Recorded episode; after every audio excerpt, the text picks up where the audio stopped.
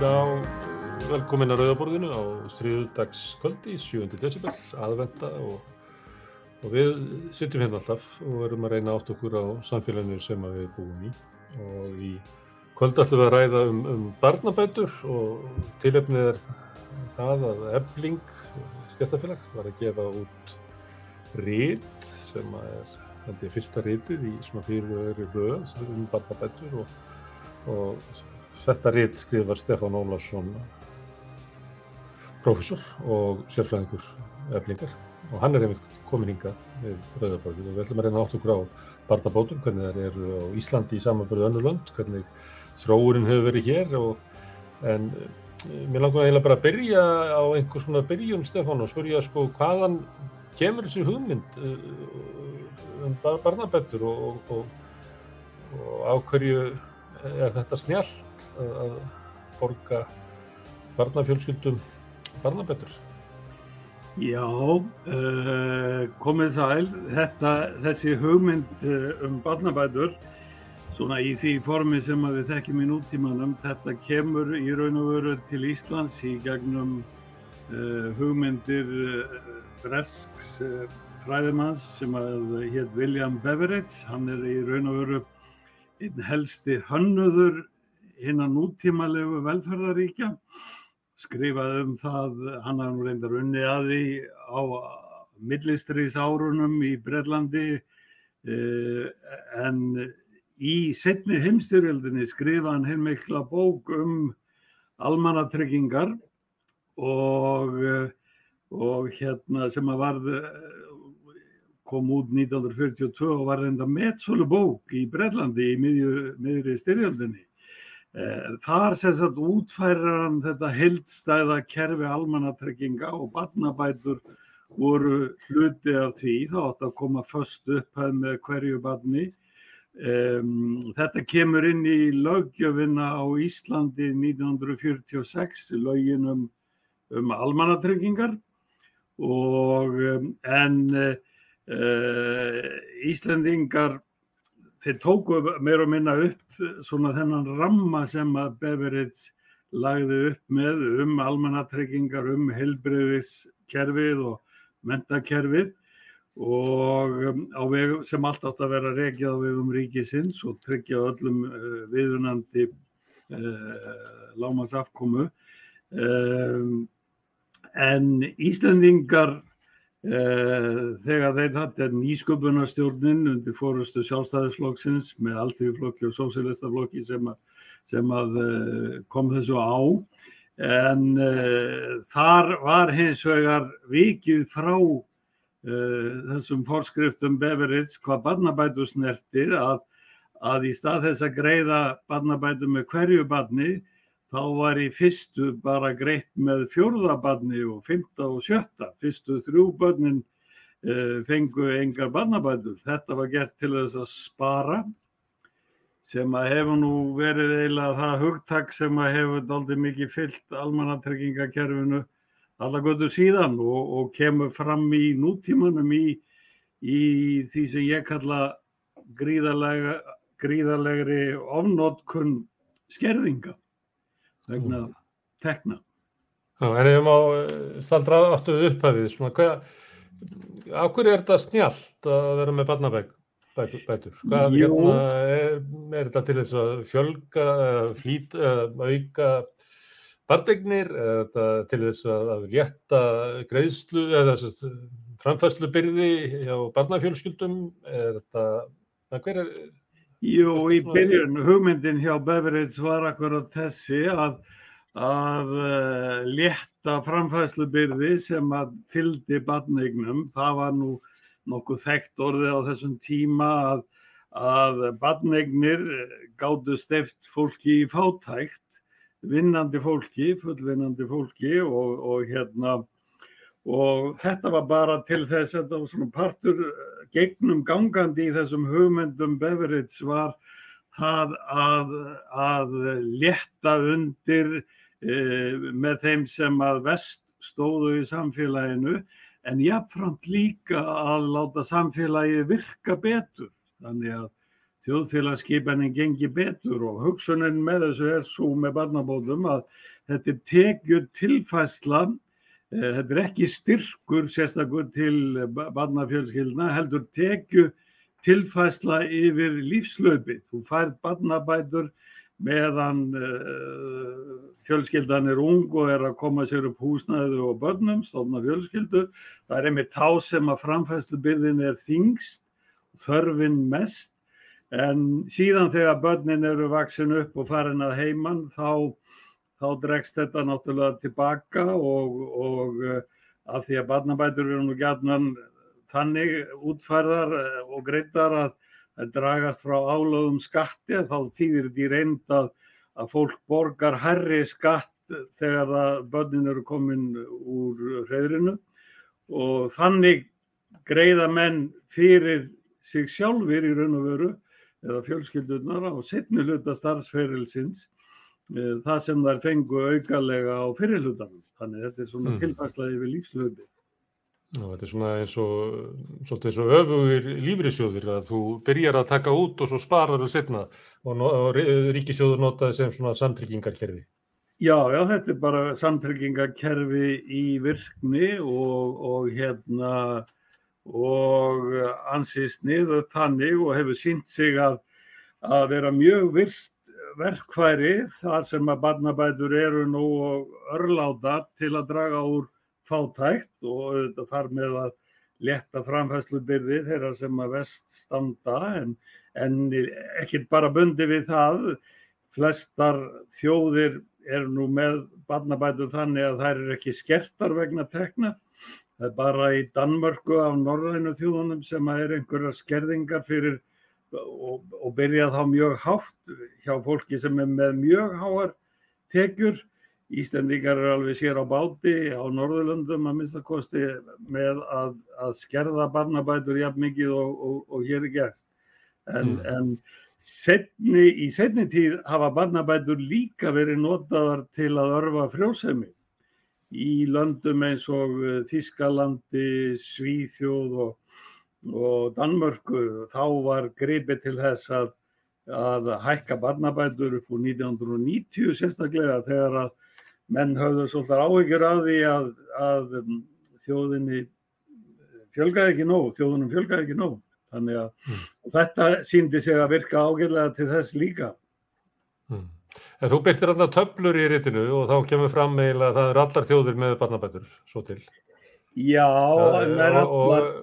Já, en af, af listanum, ef við tökum til dæmis barnabætur hjóna með tvö börn, þá er hérna eru nokkur lönd sem að, að slepp ekki inn fyrir, það eru Króatíja, Bandaríki, Tyrkland, Spát, Nýja Sjálfland og Tjekkland, en neðst af listanum er Ísland.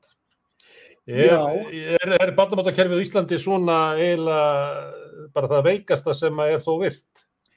Já, þarna er miða við sagt, hjón eða sambúða fólk sem eru með tvö börn, annað sex og hitt nýja ára tekjur fjölskyldunar eru 75% af meðal tekjum fjölskyldna, þar að segja að þetta er fjölskylda sem að er miðja vegu á milli fátættarmarka og meðaltekna, svona miðjunni það. Mm. Þannig að þetta er ekki hátekju fjölskyldur, þetta er fólk sem að er á nefa að finna fyrir mikilli framfæslu byrði og við erum þar með lögustu útkomuna af þeim OECD-ríkjum sem á annar borð greiða einhverja barnabætur til, til fjölskyldna.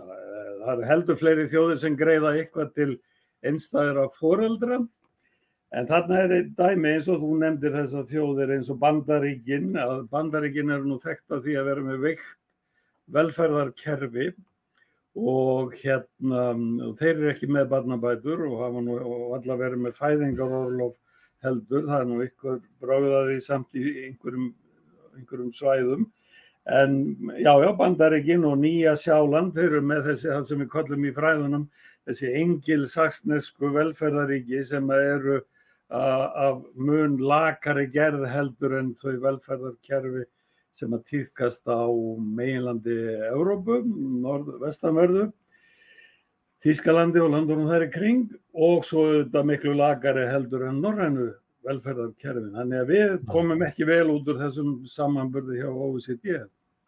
Mm. Kannt að skýra það á hverju við erum með svona veikt barnabótakerfi? Er okkur ídla við börn eða hafði sósialismin ekki ná árið vér? Erum við að taka of mikinn svona mið af bandaríkjónum og engisasnesku leðinni? Hvað kannt að skýra það? Hverju við erum með svona veikt barnabótakerfi? Já, ég hef nú rakið skýringar á bara því að sko velferðaríkinu íslenska almennt að það sem að hefur í raun og veru fyllt sögu þess er það að þó að við séum að uppliki með svipað módel að velferðaríki og, og hinnar norrannu þjóðunar byggt í grunninn á þessu kerfi Beveridge en síðan bætt við að lífur í sjóðum að hérna að uh, við vorum alltaf eftirbátar hinna norrannu þjóðana í vexti þess þegar að, uh, þegar að þær þjóðir voru að, að uh, láta þetta kerfin á þroska og hafa meiri áhrif á lífskjör í, í sínum löndum eftir 1950. Við vorum alltaf langt á eftir og helsta skýringin hefur verið einfallega bara mikil áhrif sjálfstæðisflokksins í ríkistjónum á Íslandi til lengri tíma, allan líðveldist tíman. Þeir hafa alltaf verið á bremsunni og eins og reynar alveg var frá byrjun að þá, þá fóru þeir strax inn á þessar tekjutengingaleiðir og skerðingar og síðan hefur það fyllt þessari sögu og Og, og hérna, verið alltaf gert til þess að tryggja að ríkisútgjöld aukist ekki of mikið. Mm. En þú sagði áðan að, að hugmyndin væri að sömuleita að láta bara samfélagi virka betur og þá má spurja sko, er kenningin svo að með því að greiða barnabætur að þá aukiru sko, velferð og líka bara virkni og afl samfélagsins eða eru barnabætur eitthvað sem að valhald myndi kannski segja að fyrst þurfur að auka virkni fyrirtækjana og þau borgist skatta og þá getur hugsalega borgað bandabættur. Að bandabættur verður eitthvað sem er gott að eigða peningunum í ef þú er búin að afla þeirra eða er það hitt að, að þessu þess að eignast meiri pening að hafa öflut bandabættakjörn?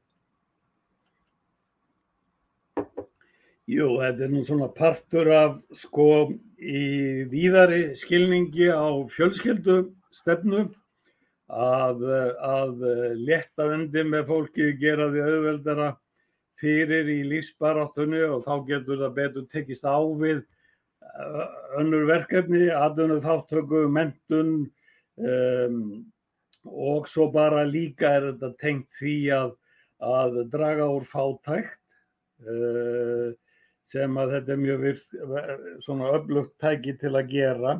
En í víðari skilningi fjölskyldustefnu þá kemur inn í þetta líka fæðingarorlof og, og leikskólar sem að eru veita öllum aðgengi á viðráðanlegu verði og þar eru þetta partur af hugsuninni um virkni samfélagsins að, að uh, það er til að leta undir með atvinnum þáttöku begja fóreldra og uh, sem að augljóslega stuðlar að meiri framleyslu getu samfélagsins og betri virkni, meiri jöfnuði kynjana og, og, og, og fleira slíkt. Þannig að þetta blandar alltaf saman bæði, bæði hagkvæmum sjónamiðum og svo líka svona félagslegum réttlætis sjónamiðum.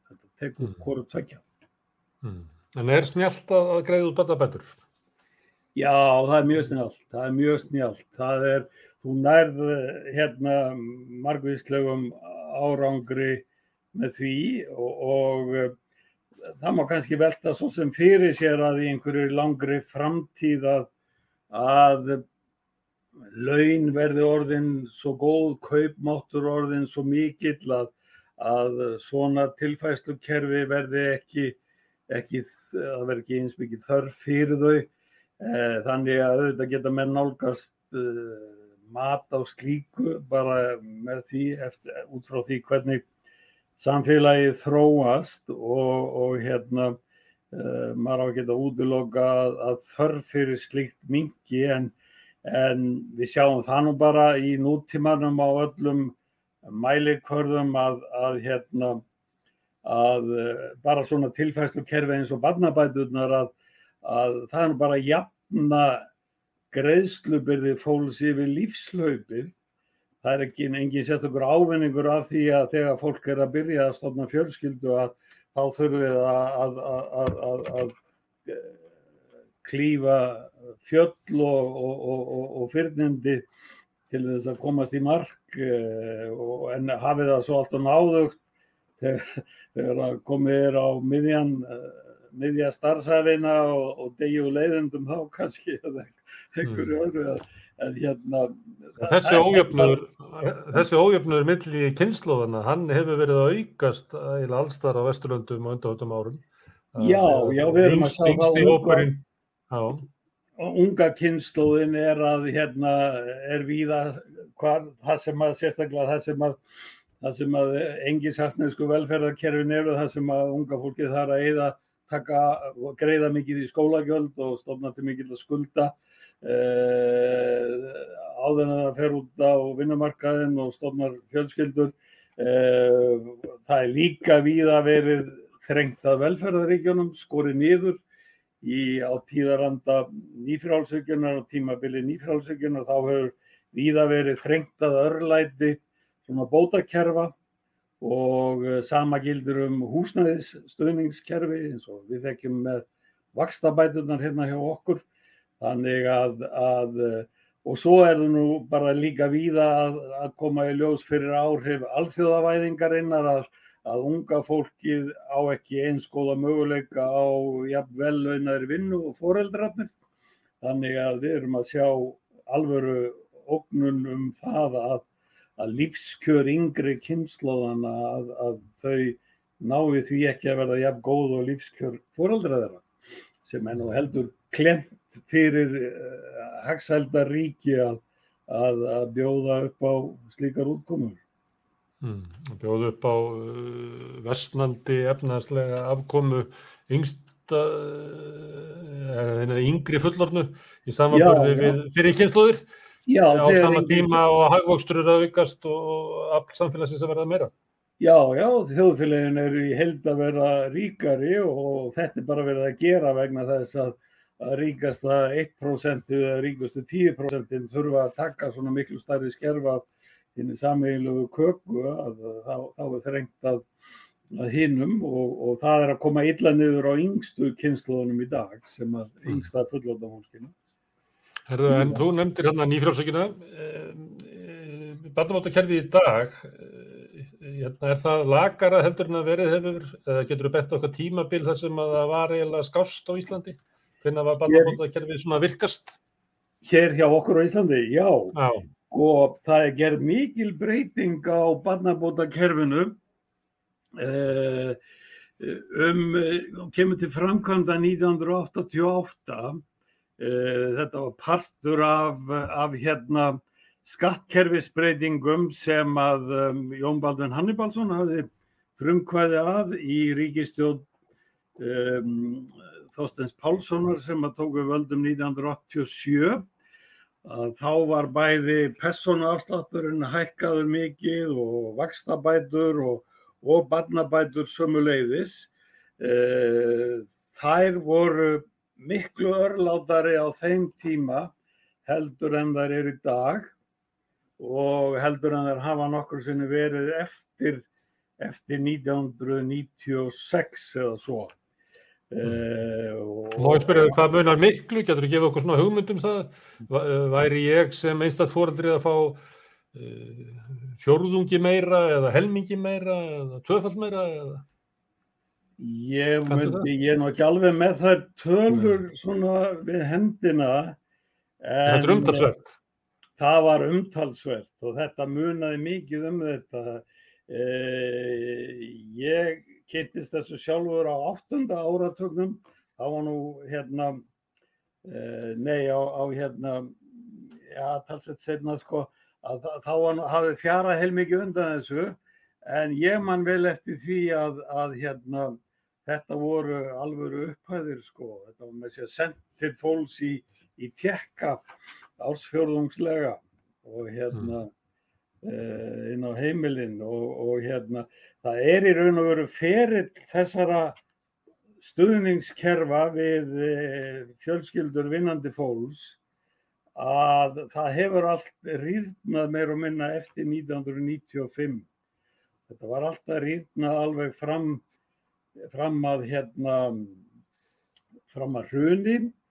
Síðan kemur vinstri stjórnin 2009, hún eigur sérstaklega vakstabætunar út af skuldavandanum og hérna eh, en þau le, lefðu barnabótunum að, að, að liggja óbreyttar fyrst um sinn, hækkuðu þeir ekki fyrir henni í byrjun ást 2013 og þá var það nú eiginlega full lítið og kom úr sent en eftir eh, 2013 þá hérna þá hefur hafa, hafa bætuna rýrnað og bæði hefur fækkað mikið þeim sem fá þær og upphæðina sömu leiðis og kostnaðurinn við sjáum þetta líka í þessu kjara fréttabrifi okkar hjá eblingu sem að, sem að um, þessar tölur eru í núna þar er línuritt sem sýnir þetta einmitt hvernig þessi þróun var eh, til dæmis 1998 þá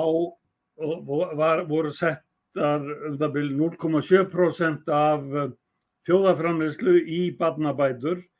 Það er í dag um 0,4, það hefur minkað um uh, hátt í helming, uh, svona í hlutfalli við, við þjóðhags og kjara samhengi og gert er ráð fyrir á næsta ári að þetta fari enn neðar örlíti neðar sem hlutfalla þjóðaframleyslu. Þannig að mm. þetta hefur rýrnað, rýrnað alveg heilmikið. Þannig það eru svona ákveðin strömmkvörf þegar Ríkistjótt sjálfstæðsflokks og fransflokks taka við 1995 og þá já, kemur já. svona ný stefna í þessi mál og það er eiginlega Ríkistjóttin sem er búin að vera meir og minna síðan, núna undarfarið með, með stuðningi Vafki. Þetta er eiginlega, við erum ennþá með Ríkistjótt Davís og Haldós eiginlega. Já, svona þessu leiti kannski, ég, ég skal ekki segja, ég myndi ekki alveg jafna þeim við það til fulls, en, en það er engin stór stefnubreiting sko og það er, það er til dæmis í, í fjárlögum fyrir næsta ár, þá er verið að kynna, þá er verið að kynna uh, fyrirhugaðar hækkanir, en þegar maður fyrir að rýna ofan í það, þá sér maður það að barnabætur hafa ekkert hækkað síðan 2019. Það eru hækkaðir í tengslu við lífskjærasamningin en það eru að vera óverðbættar síðan, óbreytt mm. upphæð. Og nú er tilkynnt að það er að hækka barnabætur á næsta ári um 5,5% en bara til þess að halda verðgildið sínu frá 2019 þá þyrftu þau að hækka um rúmlega 10%. Mm. Þannig að þetta er svolítið sá leikur sem að Íðurlega um, er leikinn, sérstaklega þegar sjálfstæðismenn eru í fjármálaráðuneytunu að, að þeir trassa, þeir gera þetta líka í almannatryggingu með lífeyri, öryrkja og eldriborgara, þeir, þeir verðbæta ekki til fulls eða láta ekki fylgja launathróuninni til fulls, svo koma svona tímamót eins og núna nýríki stjórn og þeir eru vantilega vonast til að hafa áhrif á komandi kjarasamninga með því að tilkynna hækkun barnabóta áður en að því kemur mm. en uh, í reynd er, er verðgildi hérna barnabótana að rýrna á næsta ári frá því sem það var 2019 þannig að aðrar hækkanir eru bara þær að, að uh, skerðingamörkin, neðri skerðingamörk barnabótana þau hækka til þess að fylgja lámaslaunum fyrirkommalagi hefur verið sem sagt þannig að það er byrjað að skerða barnabætunar þegar fólk er komið upp fyrir lámaslaun á vinnumarkaði sem í dag eru 351.000 og um, þess vegna er það þannig á Íslandi að það eru til tulla fáar fullvinandi fjölskyldur sem að fá óskertar barnabætur. Þetta líka við að þetta sé fá Þetta er svona almannatryggingar. Þetta sé frekar eh, fátakrastyrkur, eh, borgarlegu fátakrastyrkur heldur en almannatryggingar. Já, já, það er, það er prinsipið þegar þú farin að nota þetta svona, þegar þú farin að skerða þetta svona mikið og byrja að skerða þetta uh, við svona lágar tekjur að þá er þetta orðið fátakrastyrkur. Sko. Mm.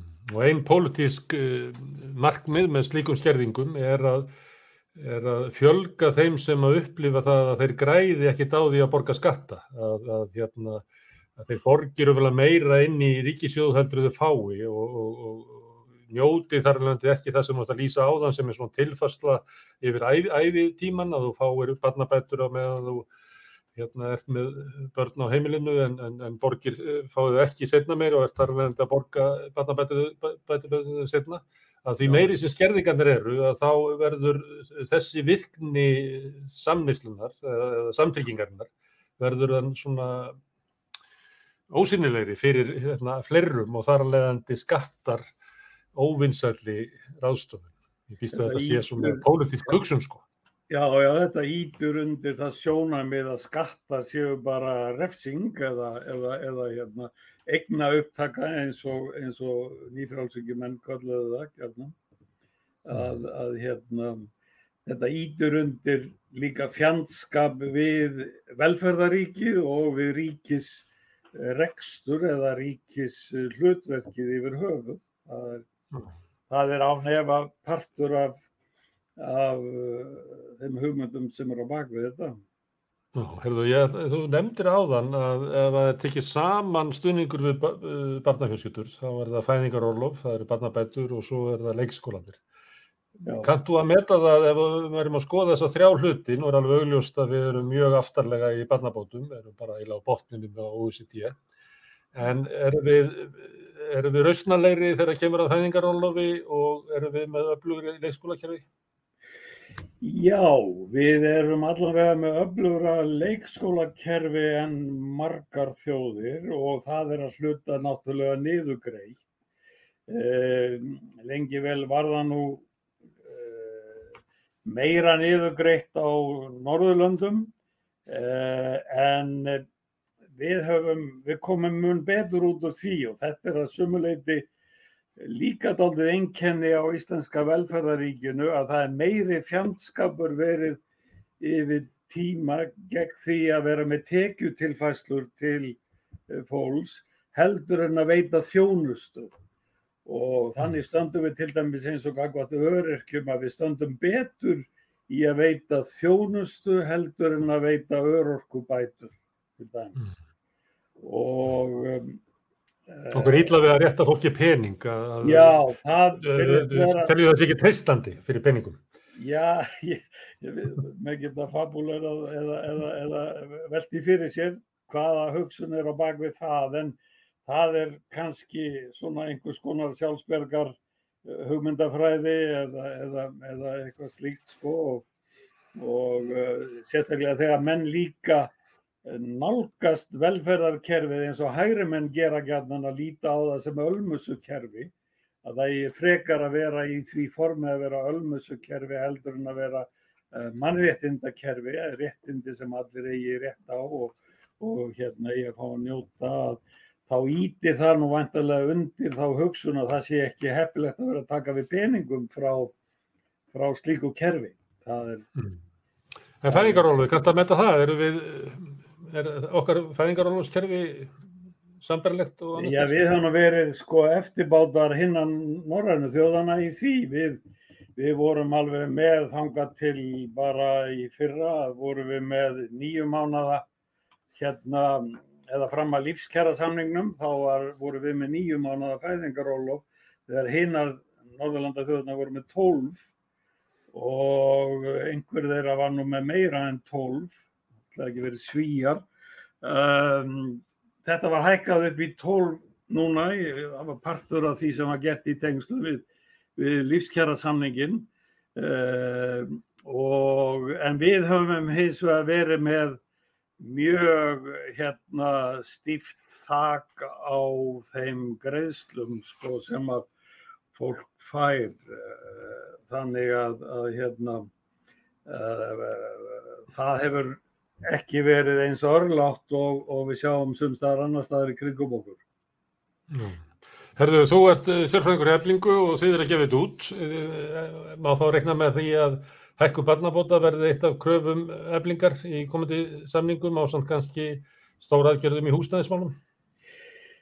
Í, það má vel velta því fyrir sér sko. Við að gefa, við erum að byrja að gefa út þetta sem við kallum kjara fréttir og það mun bara taka á hinnum ímsu kjaramálum sem að sérstaklega uh, viljum við koma á framfæri staðrendum um lífskjör lálunafólks með þessu og uh, fljótlega næsta dagskrá sennilega verða húsnæðis stuðningskerfin og bæði vakstabætur og uh, húsaleigubætur og, og hérna uh, ég fæ ekki betur séð en að, að uh, bara eins og þessi samanburður á barnabótakerfinu okkar og því sem við sjáum í öðrum OCD-ríkjum að það sé bara verulegt tilefni til að taka kröftulega á í þessum málum.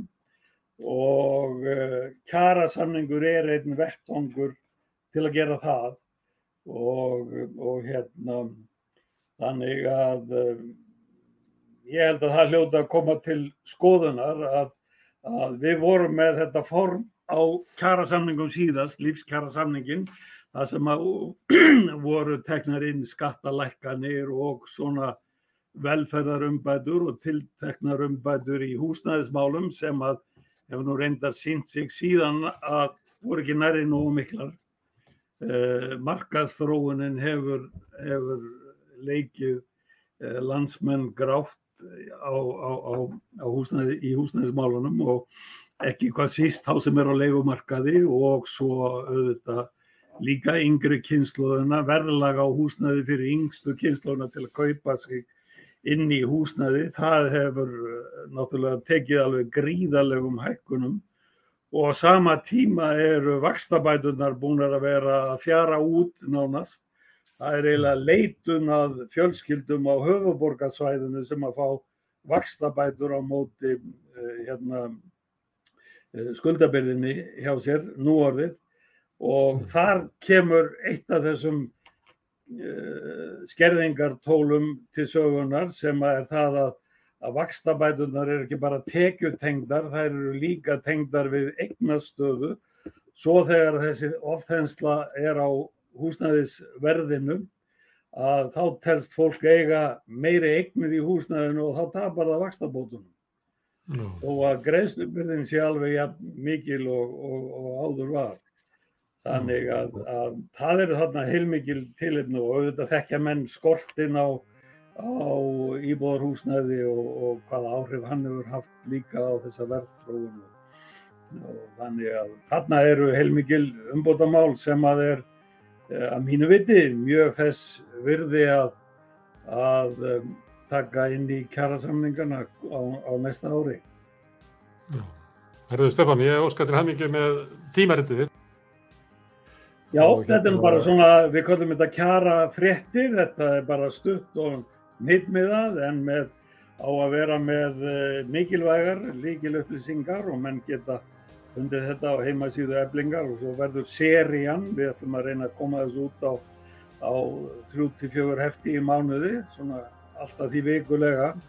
Og kannski verður hlið yfir jólinn nema, nema ég skrifi á aðfangadag eitthvað. En, en, en hérna, við ætlum að kera þetta svolítið vel áfram. Já, við sjáum til, við fylgjumst með. Þetta. Hérna, ég þakka að kjalla fyrir að staldra hérna við rauðaborðið og, og spjalla við mig um, um ballabætur og, og kynna kjarafréttir sem að fólk getur nálgast á heimasíðu Erblíkabí, rekna ég með. Og hlustundu þakka ég fyrir að stoppa hérna og hlusta á okkur tala og vonandi hefur ykkur fræðis að reyðinni. Gaman af. Rauðaborðið verður hérna aftur annað kvöld klukkan á.